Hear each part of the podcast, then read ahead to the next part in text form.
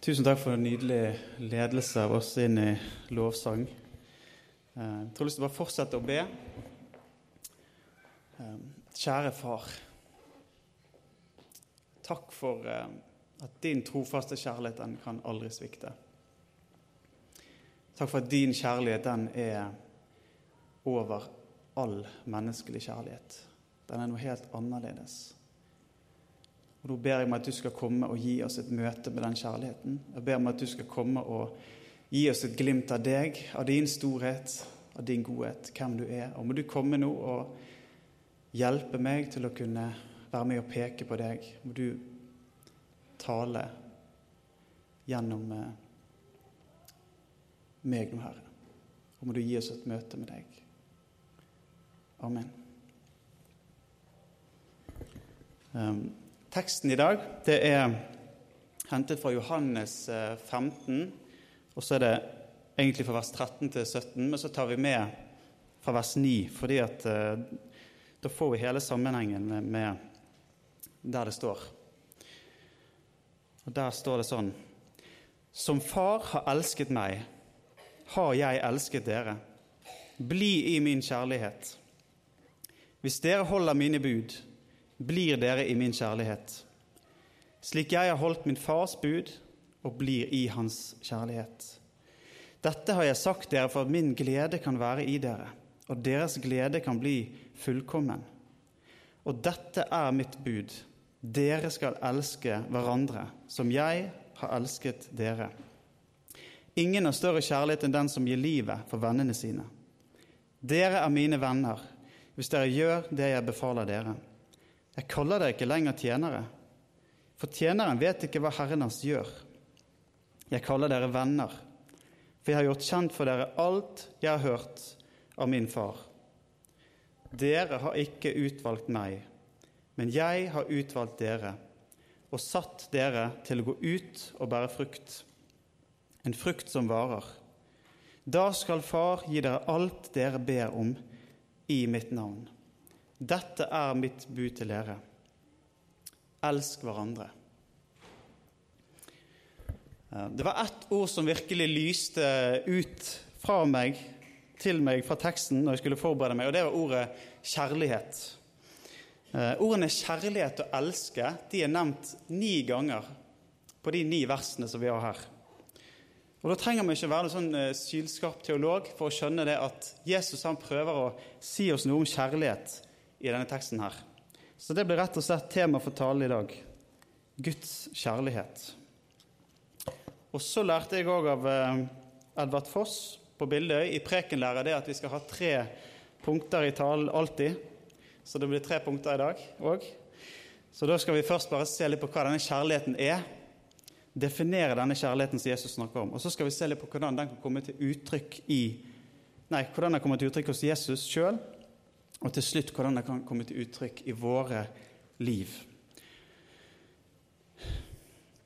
Da må vi først se litt på hva Bibelen sier om Guds kjærlighet. For det er nemlig veldig mye snakk om kjærlighet i dag. Har du lagt merke til det? Jeg gjorde et kjapt søk på Google, og da sto det det at jeg hadde fått 7200, nei, 7 230 000 treff når jeg skrev inn ordet 'kjærlighet' og søkte. Etter å ha lest gjennom alt dette her Så nei, det har, det har jeg ikke gjort. Men eh, ordet kjærlighet er overalt. Utallige sanger, utallige bøker, utallige filmer handler om kjærlighet. Og Det er et ord som alle i verden har et eller annet forhold til. Og Bibelen snakker også mye om kjærligheten.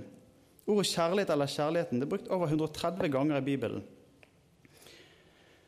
Men så er spørsmålet betyr det at Bibelen og kulturen vår dermed mener det samme når det brukes det samme ordet kjærlighet. Og det vil jeg prøve å finne litt ut av, så da har jeg gjort litt sånn detektivvirksomhet i forkant. Og da har jeg jo undersøkt litt om eh, for samfunnet vårt ser på kjærlighet. Da måtte jeg se litt på Wikipedia. Sant? Der eh, står jo alt vi trenger å vite. Og Der står det sånn Kjærlighet er en menneskelig følelse vanligvis rettet mot et annet menneske. Kjærlighet er å være glad i noen. Og så listes det opp tre forskjellige typer kjærlighet. Romantisk og seksuell kjærlighet. Kjærlighet til familiemedlemmer og kjærlighet til ikke-menneskelige ting. Så Ifølge Wikipedia så er altså kjærlighet en menneskelig følelse. Og det høres jo veldig skjørt ut, spør du meg. Og Så prøvde jeg å finne ut hva, litt om hva Bibelen mener med ordet kjærlighet. Og Da må vi se litt på hva slags ord som ble brukt på, på originalspråket til Nytestamentet, grunnteksten på gresk. Og da, Så vidt jeg kunne se, så var det i hvert fall minst tre ord for kjærlighet som er brukt i Bibelen. Det ene er da eros, og så har du filos, og så har du agape. Og De tre ordene betyr faktisk helt, tre helt forskjellige ting.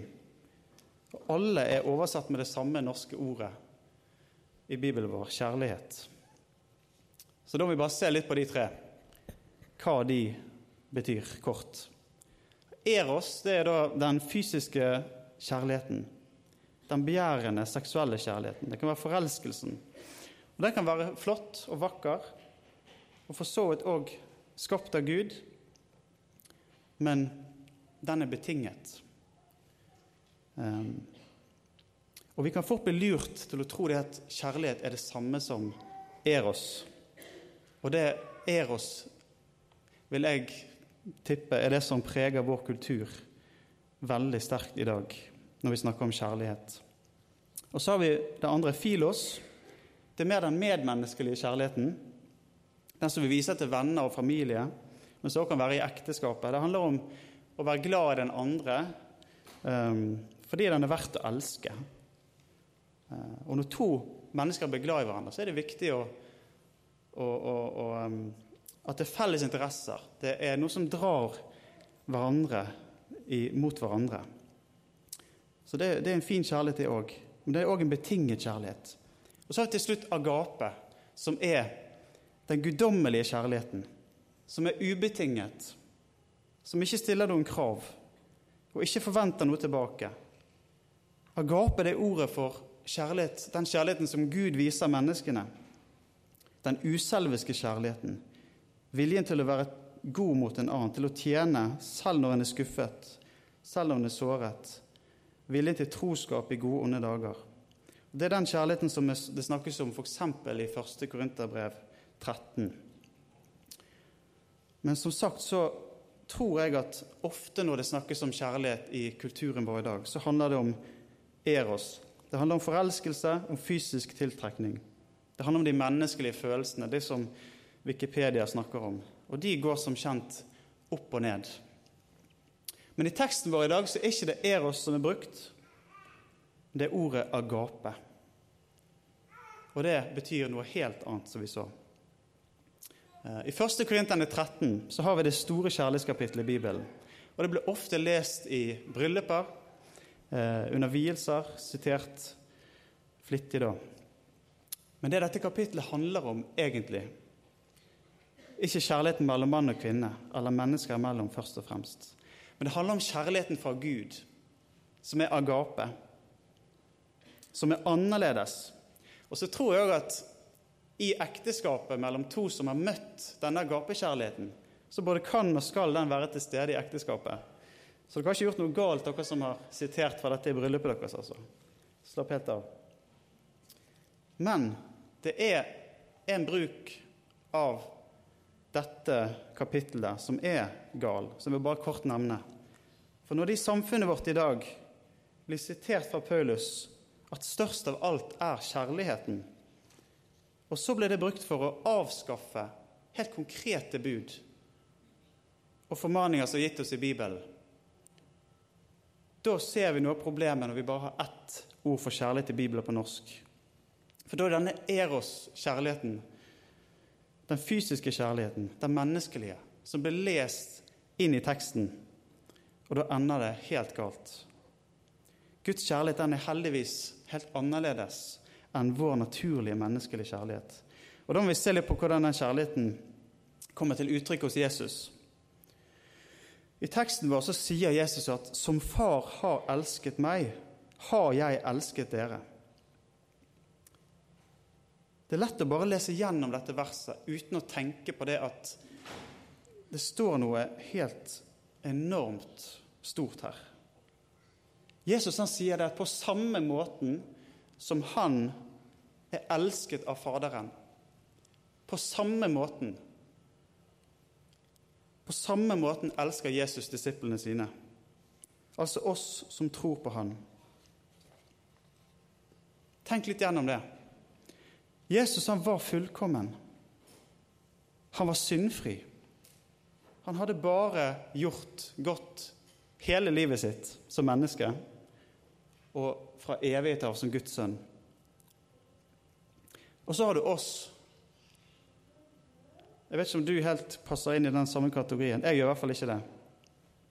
Egentlig så har ikke vi gjort noe annet enn å leve for oss sjøl og å bryte Guds bud. Vel å merke sånn som vi er i oss sjøl, av naturen. Se i nåde til meg, syndige menneske, som har krenket deg med tanker, ord og gjerninger, og kjenner lysten til det onde i mitt hjerte. Det sa vi i den gamle synsbekjennelsen i kirken. Og det er sterke ord, men det er sannheten om oss alle sammen, sånn som vi er, er av naturen, uten at Gud gjør noe i oss. Og likevel så sier Jesus til sånne som oss, som har tatt imot Han, at vi er elsket av Han på den samme fullkomne måten som Faderen elsker Jesus. Ja, ikke bare det, men vi er elsket av Faderen òg. I Johannes 16, 27 så sier Jesus det at eh, for Far selv elsker dere, fordi dere har elsket meg og trodd at jeg er kommet fra Gud. Vi er altså elsket av både Faderen og Jesus. Men hvordan kan vi få erfare det? Hvordan konkret har Jesus vist det for oss? Da sier Jesus i teksten var det at ingen har større kjærlighet enn den som gir livet sitt for vennene sine. Guds kjærlighet den viser seg for oss på den måten at han døde for oss. At Jesus døde for våre synder på korset. Det er den måten Jesus først og fremst viser sin kjærlighet til oss på. Johannes 3, 16. For så høyt har Gud elsket verden, at han ga sin sønn den enbårne, for at hver den som tror på ham, ikke skal gå fortapt, men ha evig liv. Ordene 'for så høyt' de kunne likså godt ha vært oversatt på denne måten på denne måten har Gud elsket verden. På den måten at han ga sin sønn. Guds kjærlighet den ble åpenbart, den ble synlig for oss på denne måten først og fremst. At Jesus døde og tok straffen for dine og mine og for hele verdens synder. Korset er et utstillingsvindu. Det er et utstillingsvindu for Guds kjærlighet. For her ser vi Guds sønn som frivillig tar på seg alle menneskers synd og skyld til alle tider, inkludert din og min. Tenk på den byrden som Jesus bar med seg opp på korset. Byrden av alle mennesker, synd og ondskap gjennom tidene. Det er så mye elendighet i det som Jesus tok opp på skuldrene sine, at vi klarer ikke å fatte det. Alt dette ble lagt på Jesus. Og så sier Jesus til sin far på korset det var min feil. Jeg er den skyldige. Straff meg istedenfor, og så kan du sette inn ditt navn.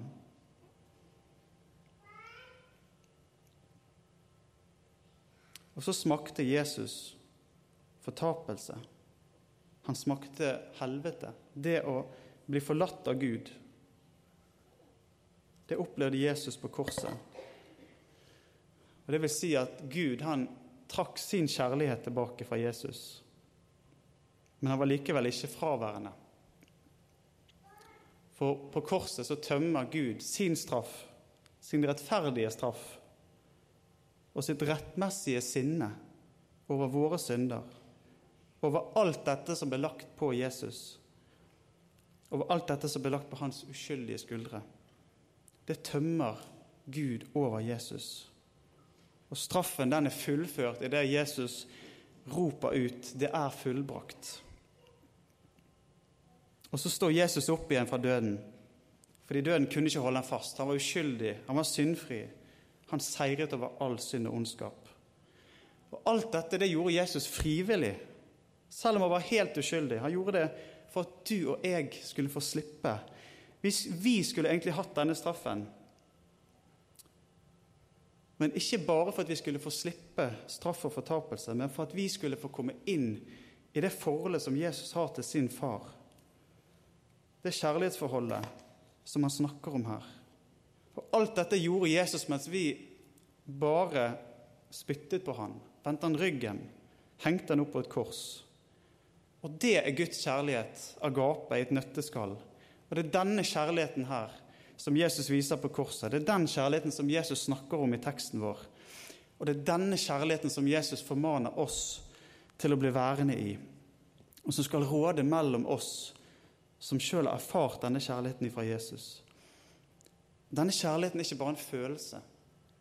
Det er ikke bare noe vi mennesker kan definere sånn som vi sjøl finner det for godt.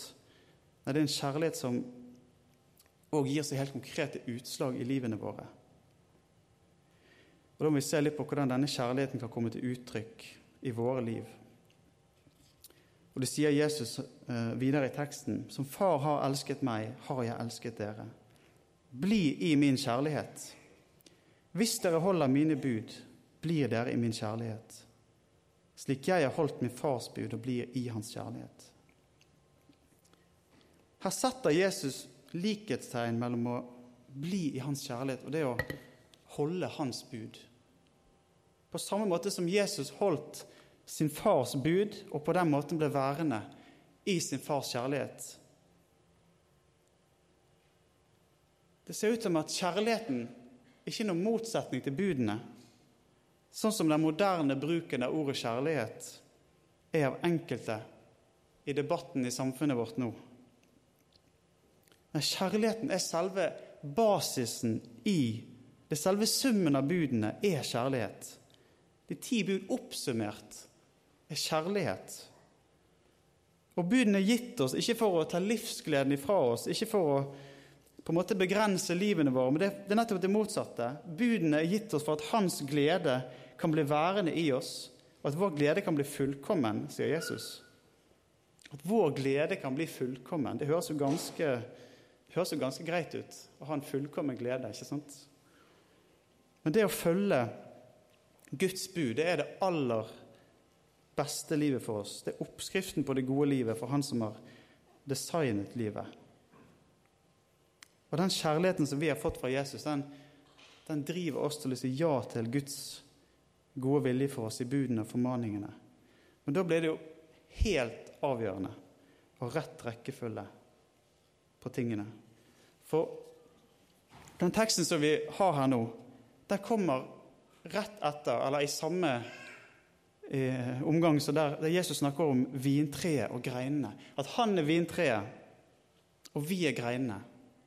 At vi ikke kan bære frukt av oss sjøl bare når vi blir på vintreet. Han sier det så sterkt at uten meg kan dere ingenting gjøre. Ingenting. Hvor mye er ingenting? Det er faktisk ikke litt engang. Så hvis vi skal klare å holde budene, sånn som Jesus snakker om, så er vi avhengig av å ta imot av hans kjærlighet. Den kjærligheten som elsker oss på tross av hvem vi er, og på tross av alt det som vi ikke vil få til. Vi må rett og slett slippe Jesus i egen person til i livene våre. For det fins nemlig ikke stoff i oss til å oppfylle et eneste av Guds bud, sånn som Guds hellighet egentlig krever det av oss. Vi er nødt til å motta alt fra Jesus av bare nåde. Og når vi opplever den kjærligheten fra Gud, som elsker oss selv om vi ofte faller, selv om vi ofte bryter Guds bud Når vi opplever den kjærligheten og tar imot av den kjærligheten, så vil det gjøre noe med hvordan vi forholder oss til andre. Vi vil begynne så smått å elske hverandre med noe av den samme kjærligheten den kjærligheten som elsker de som ikke fortjener det. Den som elsker det som det har gått i stykker for. Den som elsker den som ikke fikser livet. Den som trenger Jesus. Det å holde budene som en kristen, det er alltid en frukt av at Jesus først møter oss med sin nåde og kjærlighet. Og det er ikke en betingelse for at han skal gjøre det.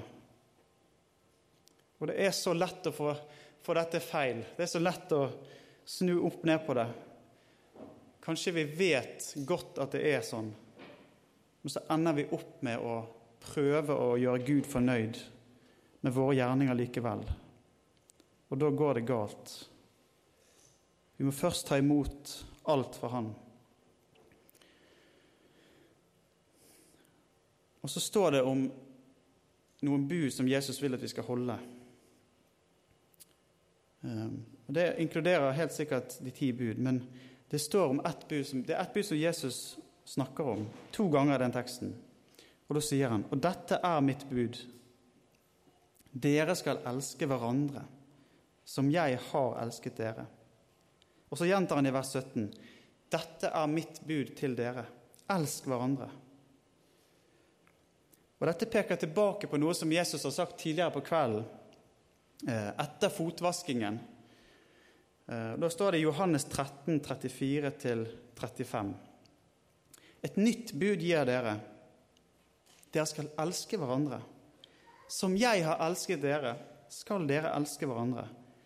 Ved dette skal alle forstå at dere er mine disipler, at dere har kjærlighet til hverandre. Jesus snakker om et nytt bud. Men er ikke det bare det, nye, det, det gamle budet om at vi skal elske vår neste som oss sjøl? Bare i litt ny språkdrakt. Men, men når Jesus sier at det er nytt, så må vi ta ham på ordet. Han var tross alt med å lage de gamle. For hele sammenhengen Det står om dere, dere, dere hele tiden. Det peker på at det er en spesiell gruppe som er mottaker av det nye budet. Og Denne gruppen det er apostlene som Jesus snakker til. Og så er det alle de som seinere kommer til tro ved deres ord, altså bl.a. oss. Med andre ord, dette budet er for det kristne fellesskapet. Det er et bud for forsamlingen, menigheten. Det er et bud for alle som lever i troen på Jesus. Og så blir det enda tydeligere ved at Jesus til og med gjør det til et kjennetegn på at vi er hans disipler. Ehm, han sier at ved dette skal alle forstå at dere er mine disipler. At dere har kjærlighet til hverandre, sier han Johannes han var til stede da Jesus sa dette her. Og han har tydelig vært veldig opptatt av det videre. For han sier i et av brevene sine, 1. Johannes brev 3,14 eh, Han går så langt at han sier at kjærligheten mellom de kristne er selve kjennetegnet på at vi har liv i Gud. Han sier det sånn Vi vet jo at vi er gått over fra døden til livet for vi elsker våre søsken. Den som ikke elsker, blir værende i døden.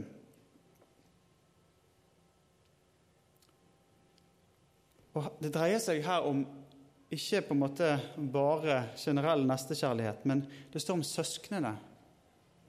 Det handler om våre medkristne. Og så dreier det seg om noe mer enn varme følelser og kjærlighetserklæringer. For I vers 18 så fortsetter Johannes.: Mine barn, la oss elske ikke med tomme ord, men i gjerning og sannhet.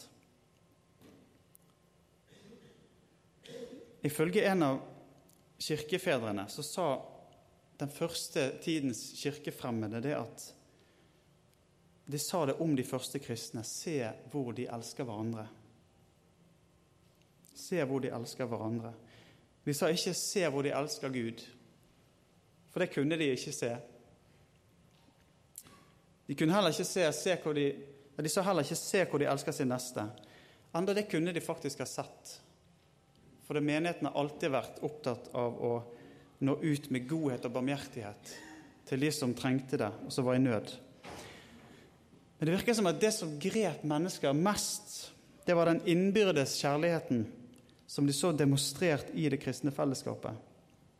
Og Noen av de som arbeider med den eldste kirkehistorien, de hevder det at dette var en av de viktigste faktorene i den raske veksten som Kirken opplevde. Det var den selve enheten og den konkrete kjærligheten som kom til uttrykk i fellesskapet. Og så kan vi jo spørre, og ransake oss sjøl litt, og så kan vi spørre er det sånn at kirkefremmede i dag tenker først og fremst på vår innbyrdes kjærlighet når de tenker på menighet og kirke? Jeg vet ikke. Kanskje vi skulle spurt mer. Men jeg har lagt merke til at en del bruker det som et argument eh, imot troen vår at ja, men dere kristne er jo så uenige og krangler, og det er så mange kirkesamfunn og mange meninger og tolkninger.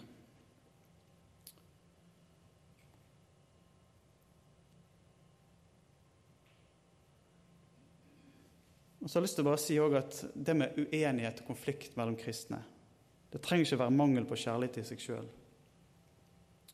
Men hvordan håndterer man det? Er det med denne Guds kjærlighet i bunn, der vi oppriktig ønsker den andres beste og prøver å ta alt den andre sier, i beste mening?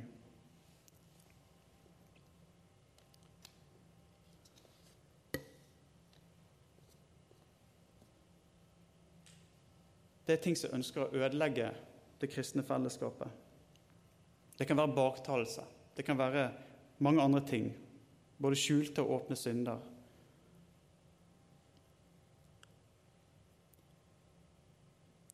Som kan hindre oss i å være det kjærlighetsfellesskapet som Guds ord sier vi skal være. Ehm, og jeg vil bare si at vi må gi alle ting til Jesus.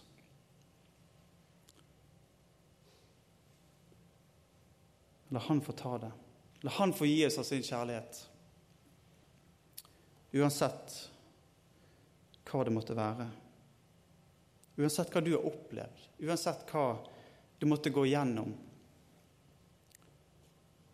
så tror jeg at du kan få oppleve denne kjærligheten som Jesus snakker om. Paulus sier at vi skal være tro mot sannheten, men i kjærlighet. Så sier han òg at uten kjærligheten så er vi en drønnende malm eller en klingende bjelle.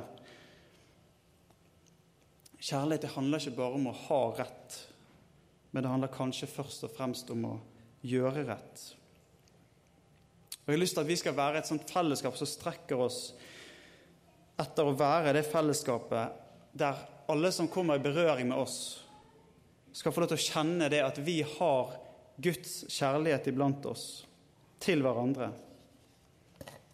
Midt oppi alt som er ufullkomment. Midt oppi svakhet. Og Da handler det, tror jeg, om å leve livet tett på Jesus hver eneste dag. Hver enkelt av oss. De gamle i tidligere tider så snakket de om den daglige omvendelse.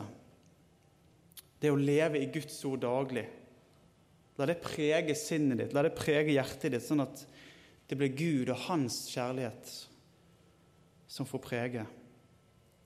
Hans definisjoner av kjærligheten, og ikke kulturen vår rundt sine skjøre definisjoner. At du får lov til å kjenne Jesu og Faderens kjærlighet som alltid er der over ditt liv, og som tilgir deg igjen og igjen når du faller, når du svikter, når du ikke lever opp til det som Jesus snakker om her i teksten. For det gjør ikke vi noen av oss. Da vil vi oppleve når vi kommer sammen, at vi elsker hverandre. Fordi vi er alle like avhengige av denne nåden. Vi er alle like svake, kanskje på hver våre områder.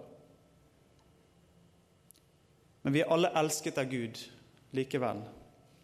Og vi kan alle få lov til å være en utstråling av den kjærligheten. Vi er Guds barn, vi er Jesu venner, står det i teksten vår. Vi er hans elskede søsken, og vi er hverandres søsken. La den kjærligheten få være det viktigste i livet ditt. La den være det viktigste i fellesskapet vårt. Over alt annet. Og da tror jeg det vil bli sånn at vi får gå ut og bære frukt, sånn som Jesus sier at han har satt oss til. Han sier at han har satt oss til å gå ut og bære frukt. Og frukt det vil bl.a. si at vi får være med å gi evangeliet videre i ord og gjerninger til nye mennesker, sånn at de får komme til tro og får et møte med Guds kjærlighet. Men da begynner det med at vi får møte den kjærligheten sjøl.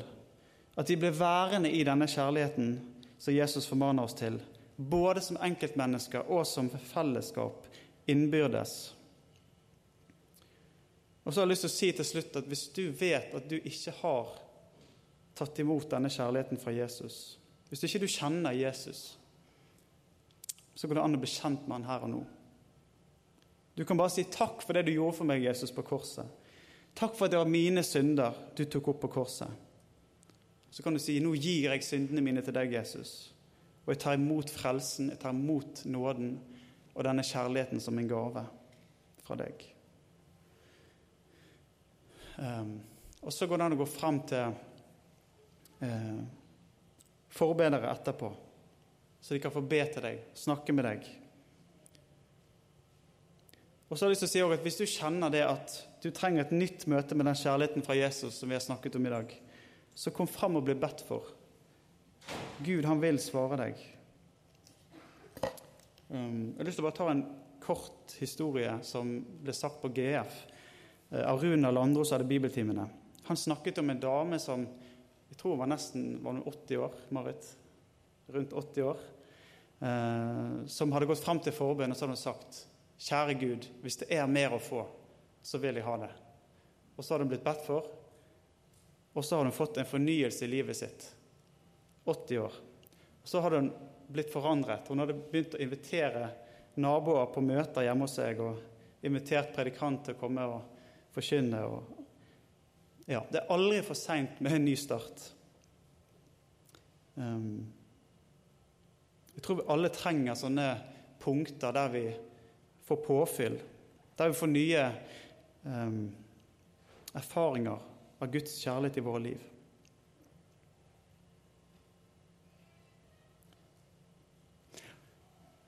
Kjære far, jeg har lyst til å takke deg for din uendelige kjærlighet til oss. Takk for at det er sånn at vi er elsket på tross av alt som ikke er sånn det skulle være i våre liv. Takk for at du møter oss sånn som vi er, og ikke sånn som vi burde vært. Takk for at vi skal slippe å ta oss sammen før vi får komme til deg. Takk for at du vil ha oss akkurat som vi er, og så er det du som skal komme og gjøre et verk i oss, Jesus. Jeg har lyst til å be Herre om at uh, din kjærlighet kan få være det som preger våre liv. Så vi kan få lov til å gå ut og bære frukt. At vi kan få gå ut og forkynne ditt eh, glade budskap med troverdighet, Jesus.